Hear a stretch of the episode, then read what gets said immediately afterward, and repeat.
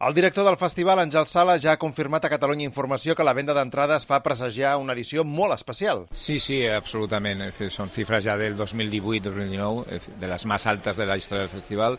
Ara tornem a lo que era més el festival, no? una, un festival una gran participació de, de públic, eh, públic sense restriccions, ni d'horaris. Bueno, això és una, una bona notícia. La llista d'atractius és interminable, però Sala ens ha confessat què li fa especial il·lusió. Me fa molta il·lusió tenir a, a gent com el Tai West. Crec que és molt important en l'evolució d'un cinema independent, com de autor. De... Tampoco diré la palabra terror elevat, però sí que és un d'estos directors que han agafat una nova via en el cinema fantàstic nord-americà.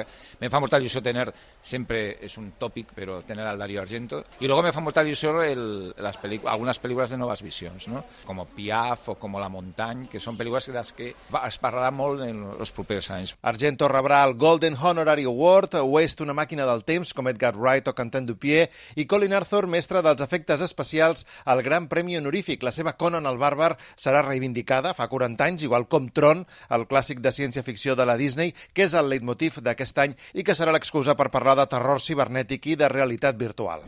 ¿De qué tienes miedo, criatura? Començar, avui el protagonista serà el terror còsmic de Venus, el primer títol del segell d'Àlex de la Iglesia The Fear Collection. El seu director, Jaume Balagueró, que és el quart cop que inaugura Sitges, i la protagonista, Esther Expósito, que s'estrena en el gènere, han assegurat a Catalunya Informació que estan molt nerviosos per posar a prova el film al públic del festival. Però jo crec que aquesta nit serà més especial perquè, eh, per alguna raó que desconec, aquesta pel·lícula per mi és molt especial.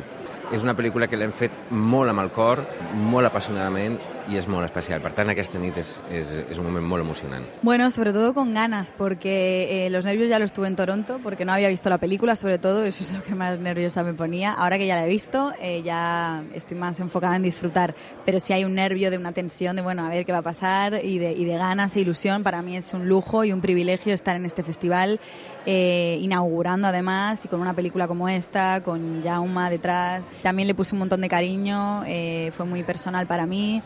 Entonces és, és especial i emotiu.